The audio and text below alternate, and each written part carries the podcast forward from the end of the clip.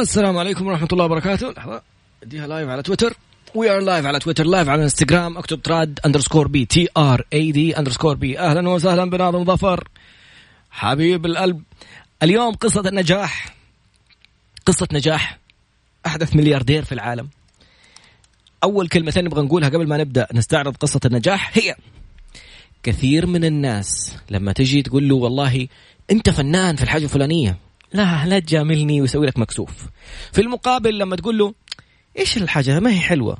يا الله يقولوا عليها مو حلوة شكلها ما حتنجح وشكلها ويكتئب ويزعل ويبطل في المشروع. يعني فهمني بس إيش جوك على قول عمر عرفي أصنع جوك. بس لا يعني من ليش؟ لما الناس انتقدت تأثرت وزعلت وبطلت وصدقتهم. ولما الناس مدحت تقول لهم لا تجاملوا يعني إيش تبغى بالضبط؟ رأي الناس فيك يعنيهم ولا يعنيك. إذا كان انتقاد دائما اعتبر كأنهم بيتكلموا عن واحد ثاني. اخرج من نفسك وطالع طالع فيك من برا. شوف الكلام اللي وصلك كانتقاد. هل الانتقاد هذا واقعي حقيقي يعني يستاهل؟ اعتبر كأنه جاء لشخص ثاني مو أنت. إيش قالوا عليك؟ واحد اثنين ثلاثة. طب لو أنت من برا جالس تطالع فيك في نفسك يعني هل الكلام هذا صحيح؟ بغض النظر عن الأسلوب ممكن نبرة صوت تنرفزك. ممكن كلمة كانت بطريقة آه، سخرية. ممكن ممكن أشياء كثير كان الأسلوب غلط. لكن في النهاية هل الشيء اللي انتقدوك فيه ممكن تغيره وتتعدل أنت وتعدل مشروعك وتعدل حياتك؟ إذا كانت الإجابة بنعم فلا تأخذ الموضوع بشكل شخصي وابدأ أشتغل عليه. الموضوع الآخر لما الناس تقول لك أنت فنان في شيء أنت مبدع في شيء طالع في نفسك فعلا. وشوف هل الموضوع ده تكرر من أكثر من شخص بيقول لك أنت ملهم سوي قناة على اليوتيوب سوي حاجة معينة ابدأ مشروعك في الحاجة الفلانية. ابدأ يا أخي شوف الخطوة هذه اللي قالوا لك عليك الناس فيها إنك أنت فنان. هل أنت مستمتع فيها؟ في فرق بين الشيء اللي أنت كويس فيه أنت جيد فيه أنت ناجح فيه والشيء اللي تستمتع فيه. أهلا وسهلا ولا؟ فإذا أنت بتستمتع في شيء معين والناس يقولوا لك واو أنت فنان يعني ناجح وأنت مستمتع فيه شغلك فيه أحسن من اللي متعلمين وأخذين كورسات ودورات وجالس تنمي نفسك في هذه الخطوات فألف مبروك عليك. ابدأ خطوتك في انتظارك نشوفك في مشروع. خلينا نأخذ أمثلة. ياهو كانت المواقع حقت البحث أشهرها موقع ياهو. ياهو كان لما تفتح الصفحه يطلع لك إعلانات إعلانات إعلانات إعلانات ويجلس يعمل تحميل لين ما يطلع لك المنتج ولا الصفحة اللي أنت تدور عليها. صحيح؟ جو جوجل شباب خريجين جامعة وراحوا اللي ياهو قالوا لهم شوفوا إحنا سوينا لوغاريتم معين والآن صار يطلع نتيجة أسرع من اللي بتطلعوها أنتم قالوا مين قال لكم أصلا ان إحنا نبي نطلع نتيجة أسرع؟ إحنا مصدر دخلنا الإعلانات اللي في الصفحة الرئيسية. إذا طلعت لنا نتيجة بسرعة راحت الاعلانات الناس ما حيدفعوا. حيقول لك أنت ما حطيتني أجزاء من الثانية تطلع لي راح إعلاني. أنا ليش أدفع لك المبلغ ده؟ طب التطور لا توقف قدامه. تفكر كيف تستخدمه. فقالوا بدل ما نرفض التطور خلينا نبداه إحنا. إحنا نبدأ فيه. وبدأوا جوجل. وشوف فين وصلت جوجل. جوجل أمازون أبل شركات التكنولوجيا الآن أكبر ثلاث شركات في العالم. لو تشوف قفزات الشركات في الأربع عقود الماضية اللي هي 40 سنة 50 سنة الماضية. كيف كانت في شركات عملاقة كوكاكولا وما أدري مين؟ وفين هذه الشركات التكنولوجية؟ كذا في فيديو رائع إن شاء الله ألاقي لكم إياه أنزله على التويتر ولا على على إنستغرام. كيف هذه الشركات قفزت قفزت قفزت لين ما صارت في أعلى مراتب العالم شركات العالم الكبرى. ابل وامازون الآن رأس مالهم كم؟ تريليون ولا يعني أكبر شركتين في العالم كله. الفكرة هذا الشاب صاحب قصة نجاح اليوم. نتكلم على شخص لما سمع قصة نجاح ملياردير لم يكتئب. وما قال أنا مستحيل أصير ملياردير. شاف قصة نجاح بيل جيتس. وحضر محاضرة لبيل جيتس وهو جالس يقول كيف نجح وإيش الخطوات اللي عملها وإيش اللي سواها. اليوم أنت انت أنا ممكن نكون الملياردير القادم. إذا آمنت في هذا الموضوع. الفكرة خلينا نسمع الرجال هذا كيف بدأ. إيش الخطوات اللي اتخذها؟ رائعة رائعة خطوات جميلة دروس. بعد هذه الخطوات شوف قيسها على نفسك. تقدر ولا ما تقدر تبدأ خطوة ناجحة؟ بعد قليل إن شاء الله قصة مؤسس موقع أو شركة زوم. من ترك وظيفة مليونية ليصبح مليارديرا بعد قليل إن شاء الله. الكل يتحدث في العالم التقني والمالي عن النجاح الباهر الذي حققته شركة زوم. زوم شركة مختصة بالفيديوهات اللي يسموها ال video conference أو الفيديوهات التفاعلية الحوارية يعني تقدر تسوي فيها اجتماعات.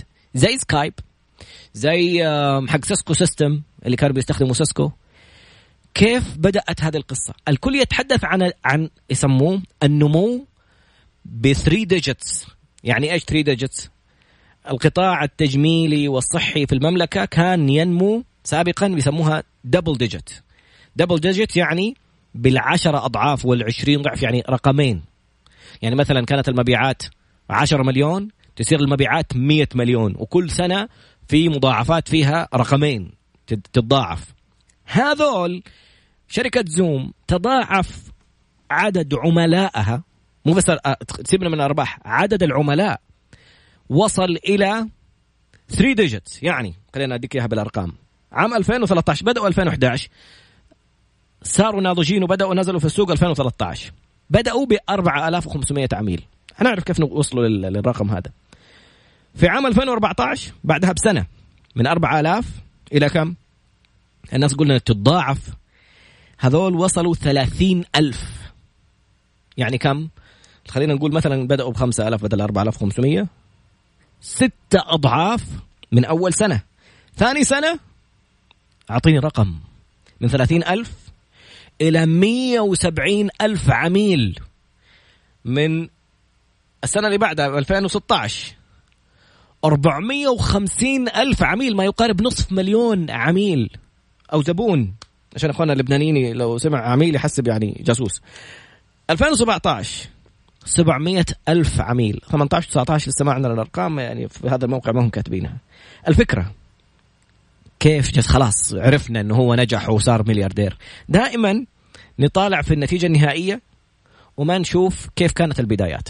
البداية هذا الشاب اسمه إريك يوان صيني باين من الاسم الرجال صيني. شاف إيش اسمه؟ بيل جيتس في لقاء وكان يتكلم عن التكنولوجيا وإنه همه إنه أنا أوصل كمبيوتر لكل بيت. ما ركز في الأرقام بيل جيت بيل جيت مبرمج كان يحب يسوي الشيء اللي يستمتع فيه. وقال إنه حأمشي في الموضوع وحلمي أكون في كل منزل يكون في كمبيوتر. الناس تتنافس في الشركات يصنعوا شاشات يصنعوا كمبيوترات. كيف ممكن تتميز في جزء من الصناعة التكنولوجية. إيش يعني؟ قال أنا أسوي software مو hardware إيش الفرق بين ال software وال hardware software يعني البرامج المشغلة حاجة ما هي ملموسة. hardware يعني لابتوب شاشة keyboard هذه الأشياء ال hardware الملموسة. فقال أنا برنامج تشغيلي تقدر تحمله اونلاين وتشغله. يعني تخيل فين التكاليف؟ مبرمجين سووا برامج بدأت تشتغل عندك في جهازك إيش ما كان الجهاز؟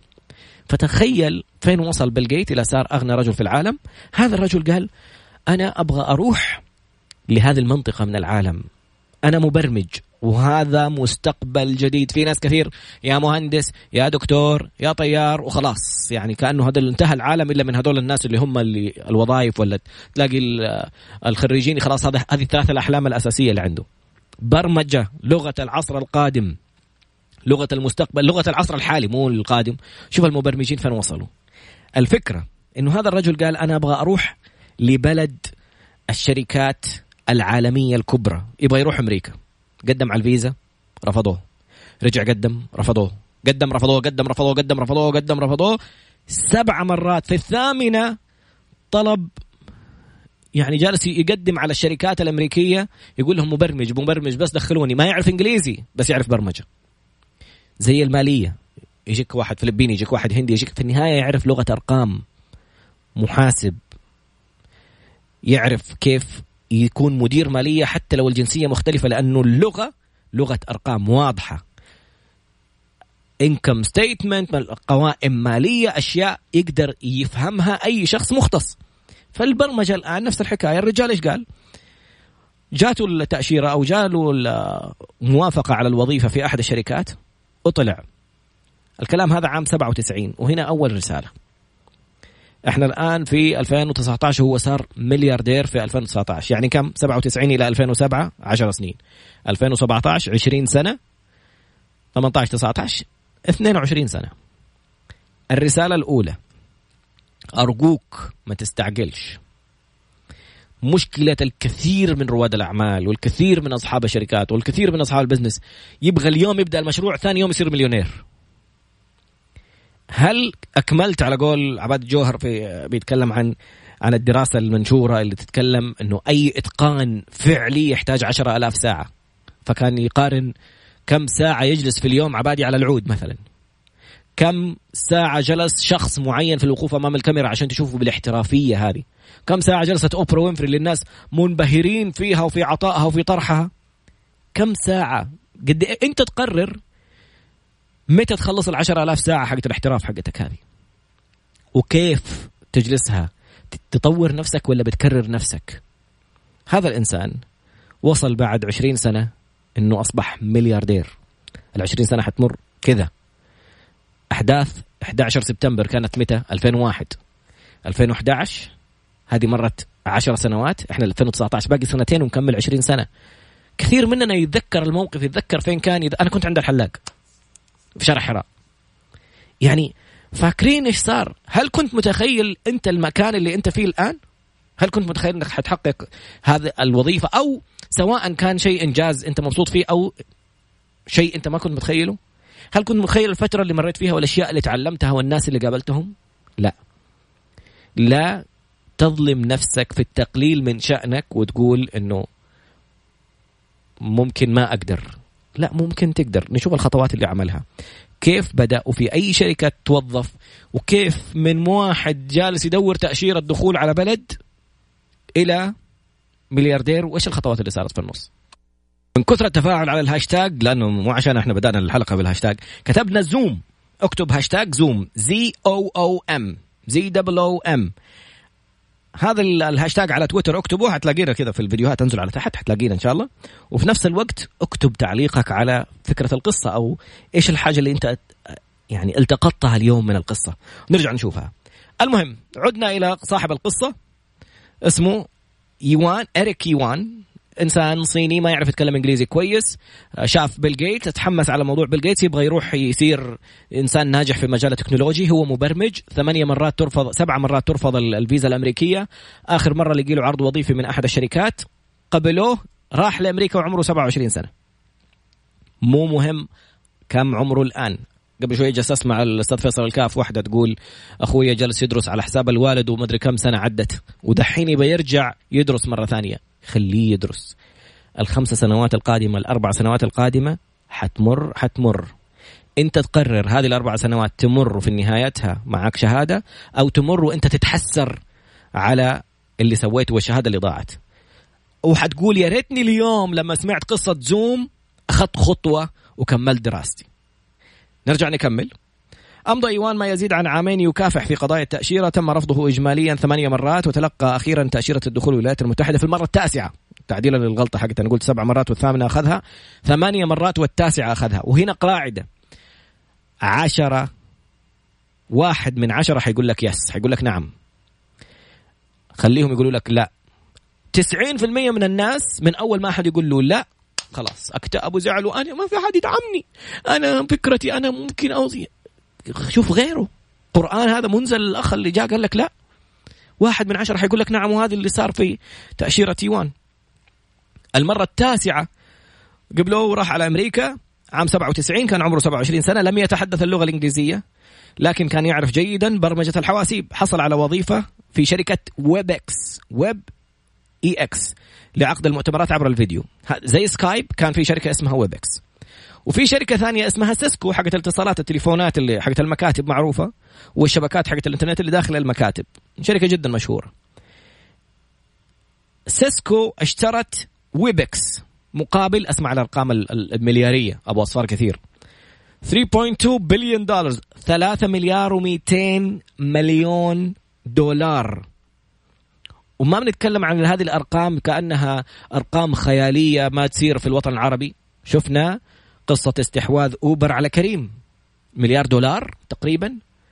فعندنا قصص موجودة. العالم التكنولوجي هذا قادم وبقوة. أنت فين دورك فيه؟ تحبه؟ أبدع فيه. ما تحبه تحب شيء ثاني؟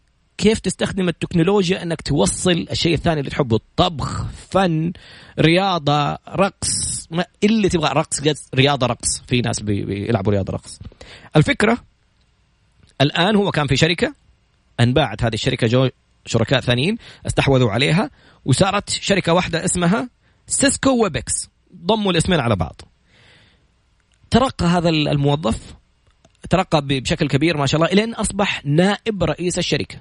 تتكلم على شركة أتباعت ب 3.2 بليون دولار يعني 3 مليار و200 مليون. الرجل راتبه في ستة أرقام يعني بالملايين بياخذ راتب سنوي بالملايين. الفكرة إنه ما كان سعيد. وهنا وقفة. درس. في فرق بين إنك أنت كويس في شيء وإنك حابب هذا الشيء. في فرق. محمد الدويك كان يشتغل في آي تي في شركة بن لادن. وكويس في شغله.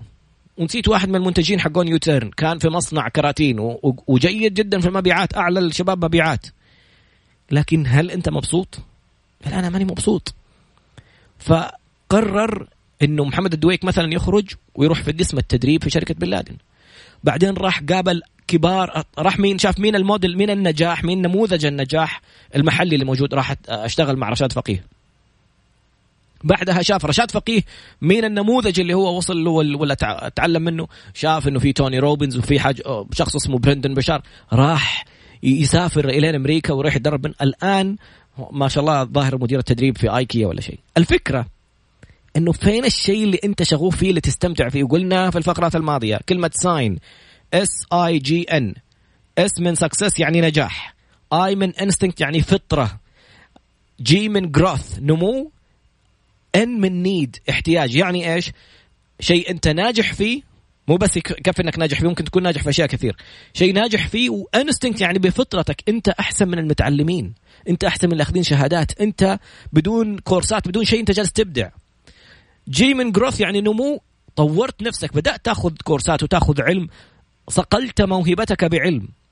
N يعني need يعني بعد ما تخلص الشيء اللي جالس تسويه تحس كذا إنك يعني تحس بقوة تحس إنك أشبعت احتياج كأنك كنت عطشان وشربت إحساس. تعرف الموية لما تكون باردة كذا تنزل تسلم على قلبك؟ هذه الأشياء إذا اجتمعت فأنت في مكان متعة حياتك. فهذا الشخص على الرغم من أنه من أوائل من أول عامين في شركة Cisco كانت رائعة وقت الاندماج اندمجت الشركتين أول سنتين على قولهم خطوبة الناس كانوا مبسوطين بعدين بدأ يلاحظ أن العملاء حقون الشركة اللي بيستخدموا الشركة حق Cisco Webex هذه الفيديوهات بيقولوا يا جماعة إحنا محبطين وهذه نقطة مهمة ودرس آخر في الفقرة القادمة. جدا جدا جدا مهم الدرس القادم من من القصة هذه. بعد قليل إن شاء الله. عدنا مرة أخرى لأحد أجمل قصص النجاح الملهمة. ناس صاروا عندهم مليارات لا تحبط أنت فين الآن؟ وإيش ممكن تعمل عشان تصير زيهم؟ هذه القصة حقت يوان ماني عارف أنطق اسمه. يوان. يوان. يوان خليك آه مهم. يوان هذا مبرمج. صيني. كان في الصين شاف بيل جيتس ملياردير وجلس يتكلم عن التكنولوجيا قرر إنه يروح أمريكا عند هذه الشركات. ثمانية مرات يقدم ويرفضوه في المرة التاسعة لقي وظيفة عند أحد الشركات وأخذ الفيزا الأمريكية وراح على أمريكا. اشتغل في شركة Webex. آه، جات شركة Cisco استحوذت عليها. صار نائب ترقى من مبرمج إلى نائب الرئيس في الشركة. بياخذ في السنة عقد مليوني يعني بأرقام بالمليون بستة أصفار. القصة فين وصلت؟ أنه اكتشف لما بدأ ياخذ ال feedback وهنا النقطة الأهم. إذا أنت جالس تعمل منتج برنامج آه، فكرة وما بتاخذ ال feedback ال feedback يعني التغذية الراجعة آراء العملاء. أنت بتكلم مين؟ بتستهدف مين؟ بتقدم برنامجك لمين؟ الآن في نظام عالمي اسمه co-creation إيش يعني co-creation يعني شارك مستمعك إيش يبغى يسمع. شارك مشاهدك إيش يبغى يشوف. شارك عميلك إيش الشيء اللي يبغاه. لأنه العميل اللي يتضايق من خدمتك ما راح ي... يعني قليل جدا اللي يجي يقول عارف كم اللي يجي يقولوا لك؟ لو عندك مية عميل. مية عميل زعلان منك. مية زعلانين. كم واحد حيجي يقول لك والله ما عجبني المنتج ما عجبتني الفكرة. أربعة. من المية حيجي يقول لك والله ما حبينا. لأنه شايفينك ما أنت مهتم أصلا. فأنا ليش أروح أتعب نفسي أتكلم مع شخص أصلا مو مهتم في رأيي؟ لأنه باين ما ما سألني ولا أعطاني طريقة اللي اخذ فيها رأيي ولا ولا جاء سألني أنا كيف رأيي في الخدمة ولا مبسوط ولا ماني مبسوط. إيش يحصل؟ بيخرجوا الناس ولا يتكلموا. أوه مو بس يخرجوا. بيتكلموا مع ثمانية إلى عشرين شخص يحكوهم قد إيش خدمتك سيئة. مطعم إذاعة تلفزيون مدري مين أي شيء. تخيل الآن عندك 96 شخص ما تكلموا معك وال100 شخص هذول لو قلنا إنهم كلموا ثمانية أشخاص أقل شيء. 800 شخص. يعني عندك 800 شخص زعلان.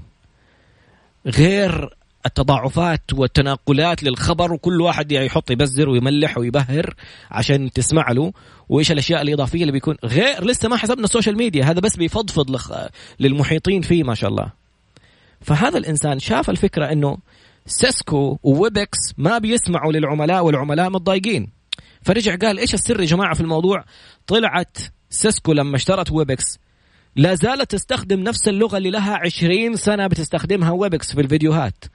يا جماعة الدنيا بتتطور الشركات بتتطور ال applications الأشياء بتتطور في كل مكان. فايش اللي صار؟ كمهندس برمجيات من فترة طويلة وشاف براءات اختراع وحضر براءات اختراع وعندهم براءات اختراع باسم الشركة قرر وشاف إيش اللي صاير في عالم الهاتف الجوال. الآن Skype صار موجود ك application وصارت الأشياء موجودة في كل الناس بدأت تدخل في عالم ال applications وال iPads وما ال iPads.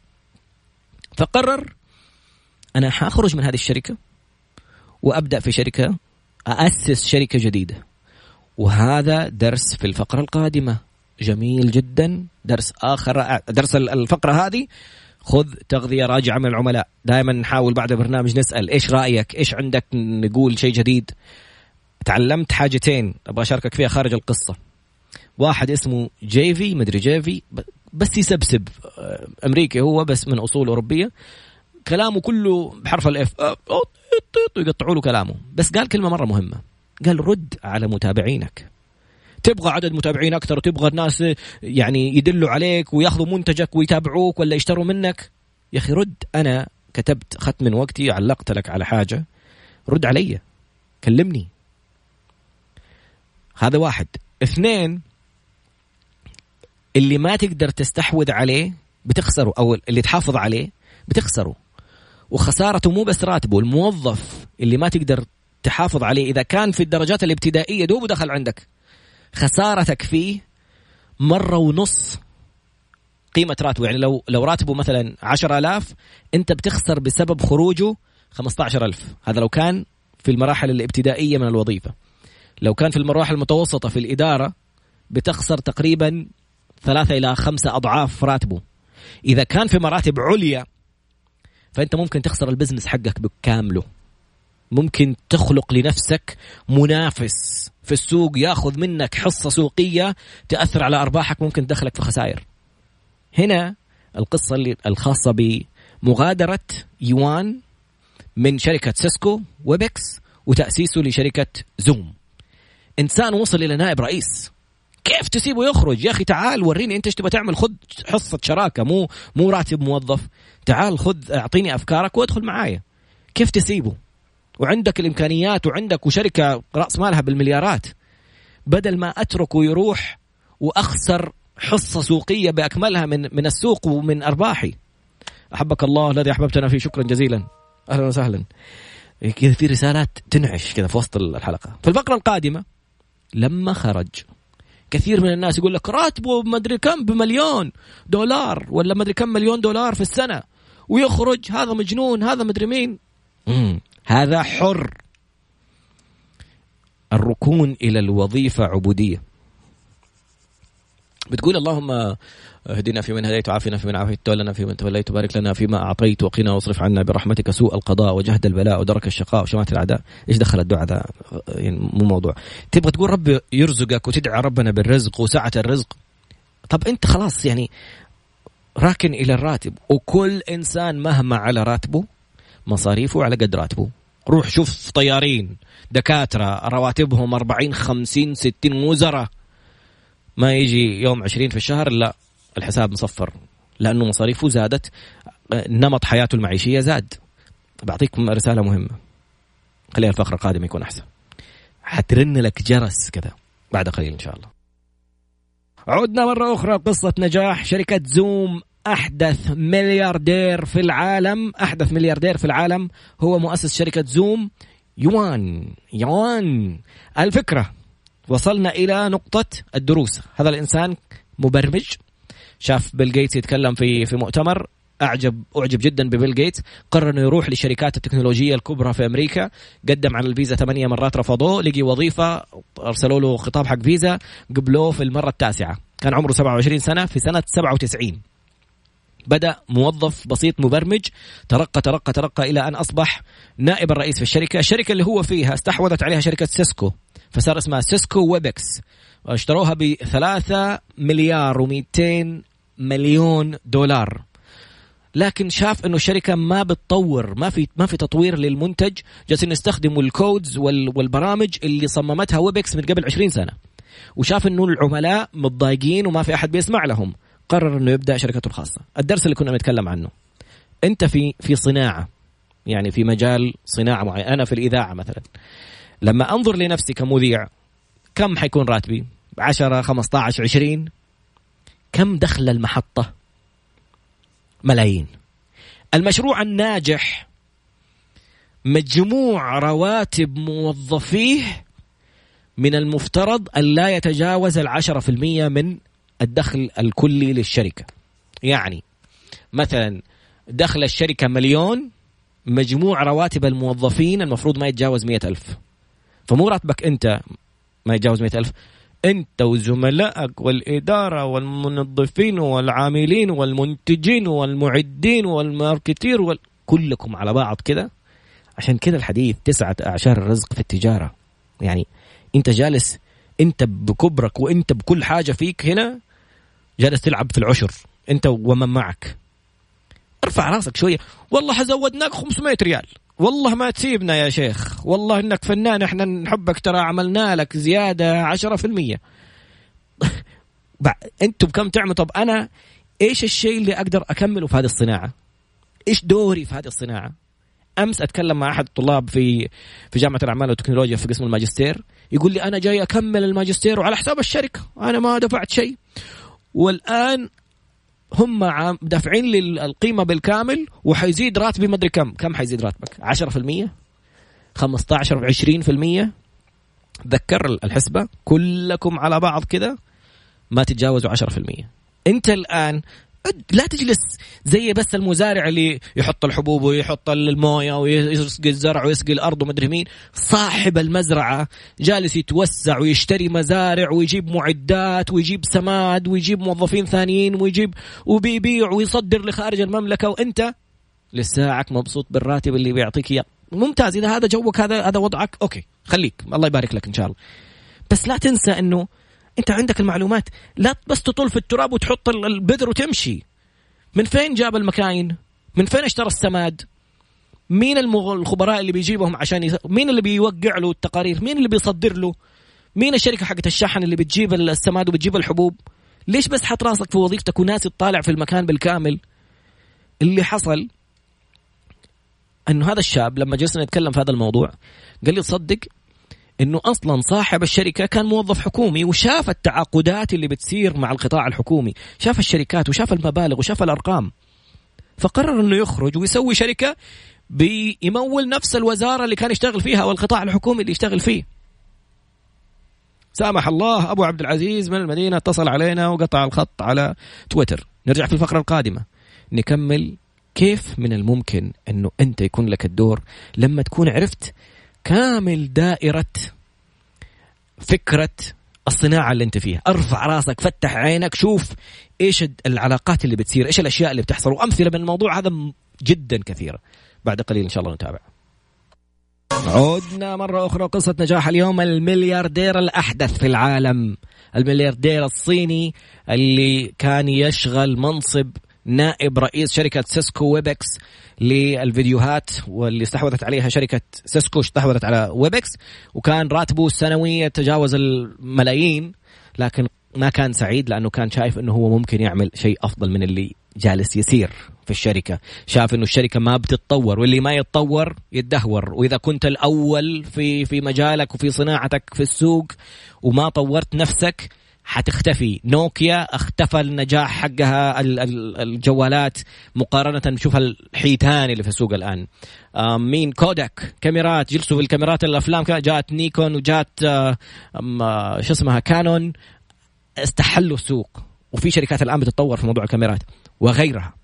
الأمثلة على موضوع الموظف اللي يتعلم في شركته إلين يشوف الصناعة اللي هو فيها ويعرف كيف ممكن يقدم خدمة حتى لو ما كنت قادر إنك مثلا تعمل إذاعة رأس المال الاستثمار فيه مثلا كبير وطاقم الإدارة كبير وفي يحتاج آه، عمليات وفريق عمل إيش الدور اللي تقدر أنت تقدمه في صناعة الإعلام؟ ممكن تسوي لنفسك برنامج تنتجه وتبيعه على قناة تلفزيونية. ممكن تسوي لنفسك برنامج وتنزله على على اليوتيوب وتبدأ تكون منتجات وعملائك يشتروا من منتجاتك. الأفكار اندلس لكن في ناس تخاف. الفكرة. خرج الرجل شاف الصناعة وهنا نقطة مهمة. عشان لا تروح تغامر أربع خطوات. تواضع أول شيء لازم تتواضع. هو راح اشتغل موظف بسيط مبرمج. عند مين؟ عند القدوة. ويبكس. أفضل شركة في مجالها في هذا المكان. فأنت دائما روح اشتغل عند اللي نجح قبلك. لو تطول تعطيه فلوس أعطيه. لا تأخذ راتب حتى. فما بالك لو أعطاك راتب. بتكتشف أشياء وتعاملات وأشياء كثير. ثم عزيمة. مو أكل عزيمة. يعني مثل ما هذا الإنسان نجح أنا ممكن أنجح. إيش الفرق بيني وبينه؟ هو بني آدم كان موظف حكومي وخرج وسوى شركة جالسه تقدم خدمات للقطاعات الحكومية. دورك أنت الآن إذا عرفت تصنع شيء مختلف أو مكمل. إتقان شوف تواضع عشان تتعلم من القدوة. عزيمة زي ما هم نجحوا انت تنجح إتقان بميزة تنافسية. شوف الشركة عندك إيش بتقدم؟ روح قول لهم أنا ممكن أقدم لكم الخدمة الفلانية. أو ممكن تنافسهم.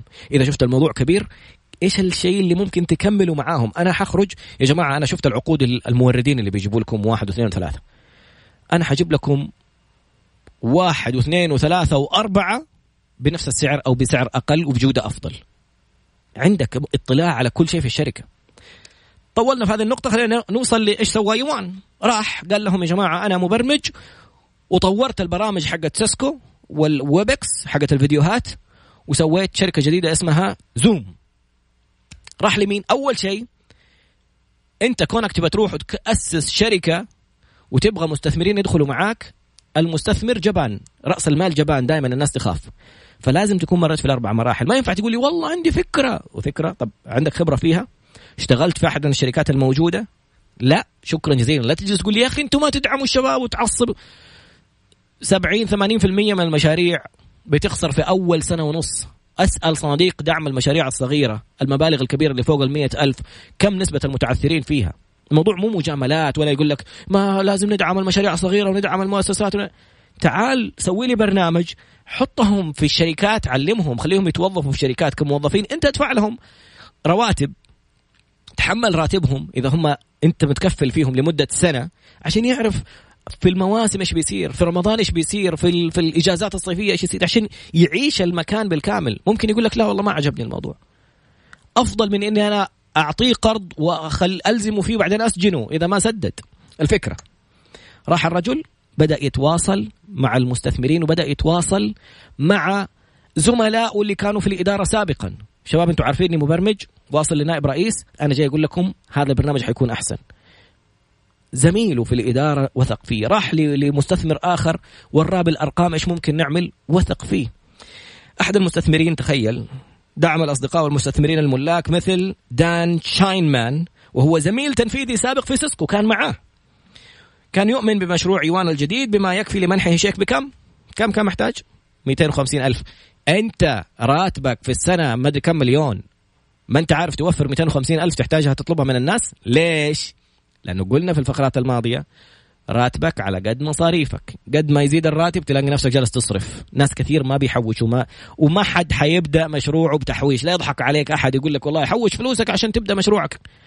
كبرى الشركات ما بتبدأ بمدخولاتها وبمصاريفها بيروحوا آه، بيرهنوا بياخذوا بيسووا دراسات بيسووا أشياء وبياخذوا قروض من البنوك بناء على الدراسات هذه. يعني بفلوس الناس بيشتغلوا. فهو راح طلب فلوس من مستثمرين. الحصة هذا اللي اندفع له ب 250 ألف دولار. أصبح اللي دفع ال 250 ألف دولار أصبح عضو في مجلس إدارة الشركة. بلغت حصته حاليا حوالي 176 مليون دولار ونص. دفع دفع ربع مليون. جاله 107 أو 76 مليون ونص. بعد ما دخلت الاكتئاب إيش يعني اكتئاب؟ اكتئاب اكتئاب. إحنا اللي حنجينا اكتئاب من اكتئاب إيش يعني اكتئاب كيف تفكر مستقبلا إنه شركتك تصير شركة مساهمة؟ إيش يعني؟ اي بي أو إيش يعني؟ في الفقرة القادمة. فكر بعيد فكر كبير.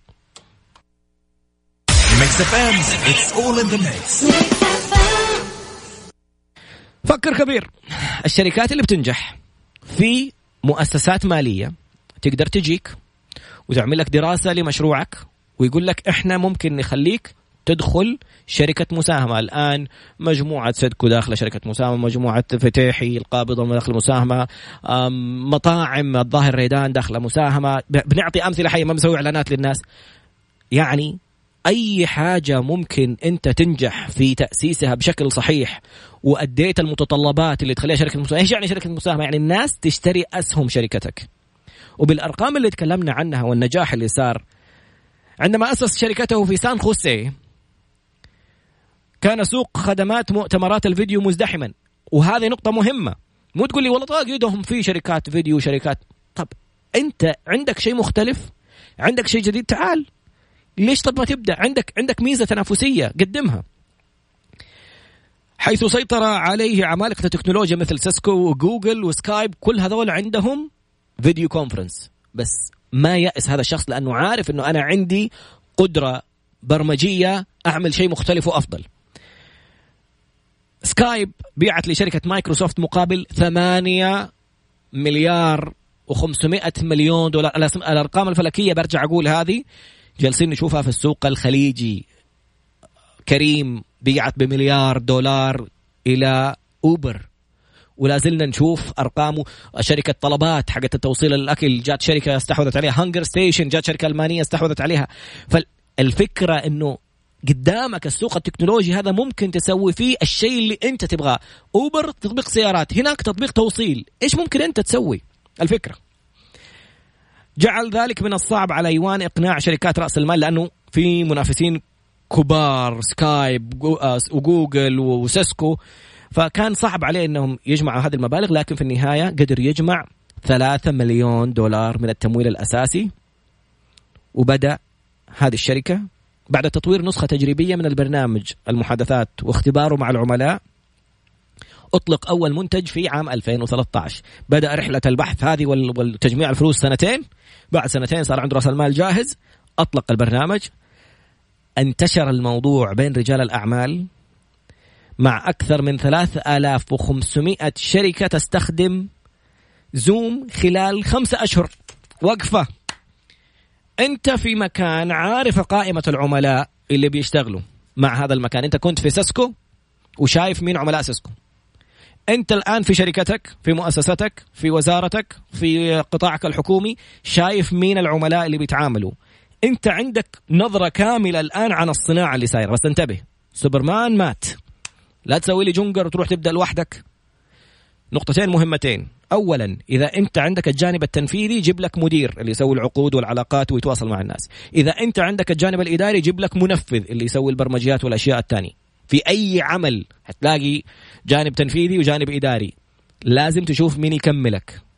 هذه النقطة. النقطة الثانية لا تختبر عمق النهر بكلتي قدميك. مو تقول لي تتحمسوا هذا عنده ملايين. وقدر يعيش الفترة هذه حقت السنتين يجمع وعنده علاقات وعنده أشياء سواها مو تسوي تسمع الحلقة وتروح تقول لي والله استقلت من الشركة ثاني يوم. خليك في وظيفتك. بعد الدوام جرب مشروعك الجانبي. افتح سجل تجاري حق المؤسسة افتح باسم زوجتك باسم مدري مين كثير بيسوي المواضيع هذه.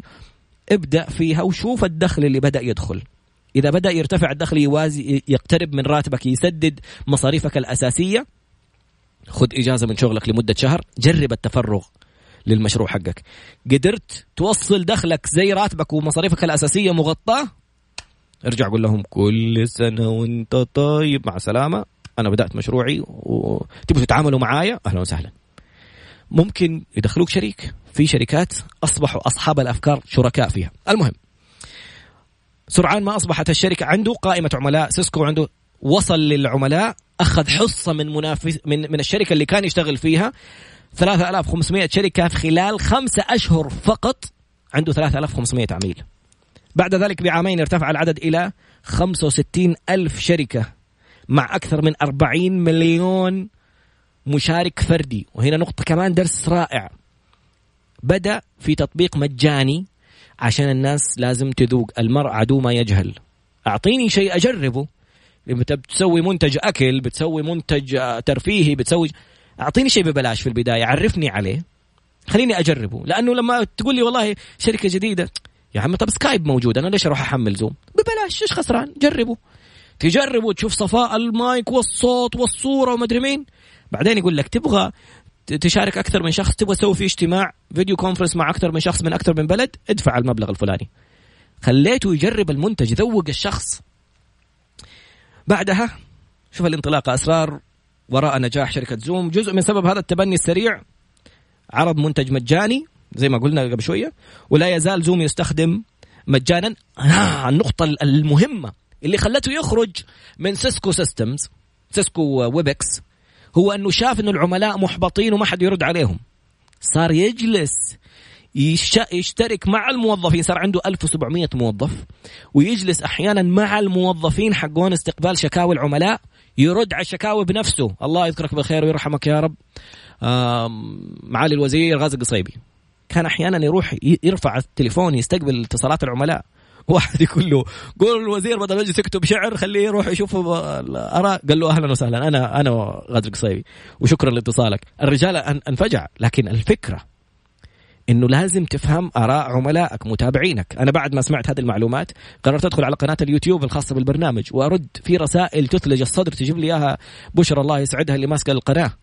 طب الناس اللي وقفت وتكتب وتدعي وتعمل يعني يحتاج إنك ترجع تقول له شكرا جزاك الله خير. أنا اللي فخور وسعيد جدا بال... بال... بردات الفعل الرائعة. مرة ثانية رجع يتواصل مع الناس صارت له مشكلة سببت خلل كبير جدا مع عملائه لأنه اكتشف خلل أمني في مستخدمين آبل ولا ماني فاكر إيش حق ماك بنظام ماك.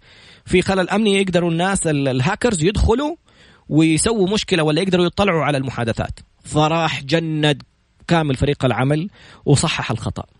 وطلع على التلفزيون وقال يا جماعة ترى صححنا الخطأ وعملنا الأشياء هذه كلها. الشاهد من القصة في النهاية. حتى إذا شفت ناس ناجحين لا يكون نجاحهم محبط لك. ما راح تأخذ رزق أحد وما في أحد راح يأخذ رزقك. النقطة الثانية لا تستعجل النتيجة اللي تبغى توصل لها خلال سنة.